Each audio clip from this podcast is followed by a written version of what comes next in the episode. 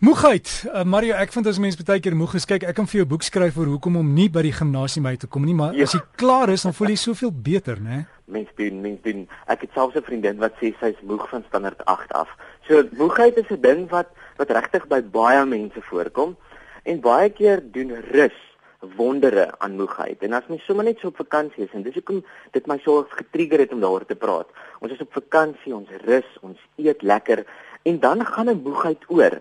Maar wanneer 'n moegheid nie oorgaan nie, jong, dit is die krisis en dan weet ons hier's 'n probleem. En dan 20 tot 30% van mense, ek kry moegheid en die oorsaak daarvan is 'n sekere siekte toestand, Derek. En dit is hoekom ons oor moegheid praat. So as jou moegheid nie weggaan van rus nie, dan moet jy nou luister, want hier's 'n klomp klomp punte wat ek nou gaan aanhaal wat as dit lyk of dit in jou lewe voorkom, dan is dit nodig om by die dokter uit te kom.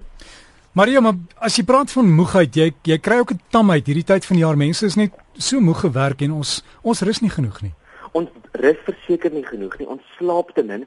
Ek dink ons het so 'n gejaagde lewenstyl dat ons minder as 6 ure slaap of minder as 7 ure slaap. En 'n goeie slaap ure, 'n totale ure om slaap in te kry. Is omtrent tussen 6 en 8 ure, hang af van jou ouderdom. Ek sou sê 7 ure is 'n goeie nag is om te kry. Nou hier praat 'n insomniak met jou nou Derek. Ek is een wat regtig sukkel met slaaploosheid. Maar dit mag dalk ander tekens wees, maar ek het dalk kroniese sinusitis of 'n toeneus of ek het dalk slaapapnee en dit alles veroorsaak 'n kroniese moegheid of hierdie moegheid. En tamheid hierdie tyd van die jaar kan daar wees as gevolg van emosies, emosionele toestand of werkstoestande of spanning. En dit is hoekom ek sê, wanneer hierdie dan nou weg kan gaan en ons vat die spanning uit ons lewe uit en ons word weer minder moeg of meer wakker, meer helder, dan weet ons dis 'n gesonde moegheid so op 'n manier, maar wanneer hierdie moegheid glad nie weggaan nie, selfs al is ons ontspanne, dan is dit 'n gevaarlike moegheid. Weet ek, ek gaan net gou vinnig 'n paar punte noem. Dinge soos depressie kan moegheid veroorsaak bloedarmoede. Onthou as jy lae ystervlakke het, het jy bloedarmoede en nie genoeg suurstof na al jou organe en veral nie die brein toe nie, dan kan ons moegheid ervaar. Interessant, reumatiese artritis of reumatoïde artritis. Mense sê dit maar op twee verskillende maniere. Dit val die immuunstelsel aan en dit verlaag die liggaam se energievlakke. So ook vir dit. Dan skildklierprobleme. Onthou die skildklier skei hormoon af wat ons metabolisme bepaal. En as ons skildklier nie genoeg hormoon afskei nie, het ons 'n lae metabolisme wat ook moegheid kan veroorsaak.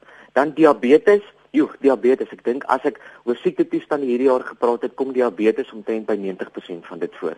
Nou diabetes veroorsaak ook hierdie moegheid albei tipe diabetes, tipe 1 en tipe 2 diabetes veroorsaak moegheid.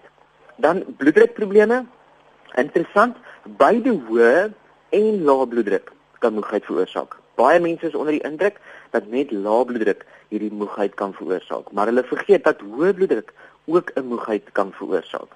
En dan ook dinge soos ek het net dit vinnig aangeraak, slaapapnee of oor neus en keelprobleme. Dit sluit in sinusitis, vergrote mangels, um slaapapnee en dit is die ouens wat maar met daai suurstofmaskertjie moet slaap in die aande.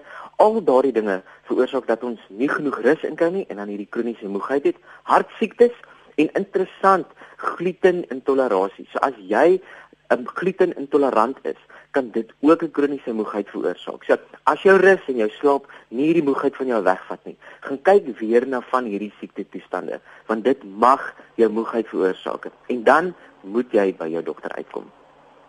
En Mario, uh ons sal maar 'n bietjie volgende keer gesels oor jy praat net nou van metabolisme wat ek dink party mense is en is minus, maar miskien oor metabolisme aan jaars. Ek weet pompoen maak mens 'n bietjie vinniger, maar jy sê ons gaan huiswerk doen, hè.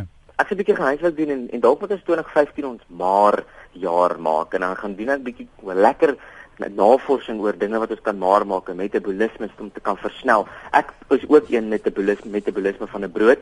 Ek loop ook net verby 'n brood en dan kan ek tel 'n kilogram op.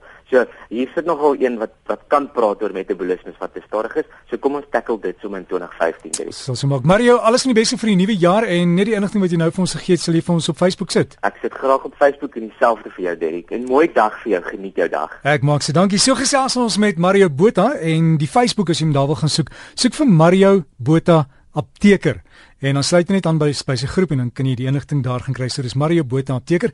Mario Botha is 'n geregistreerde apteker. Hy het ook 'n e-posadres. Dis mario.m.botha@gmail.com. As jy probleme het, praat ook asseblief met jou dokter, veral met daai bloeddruk, né? Dis mario.m mario.botha@gmail.com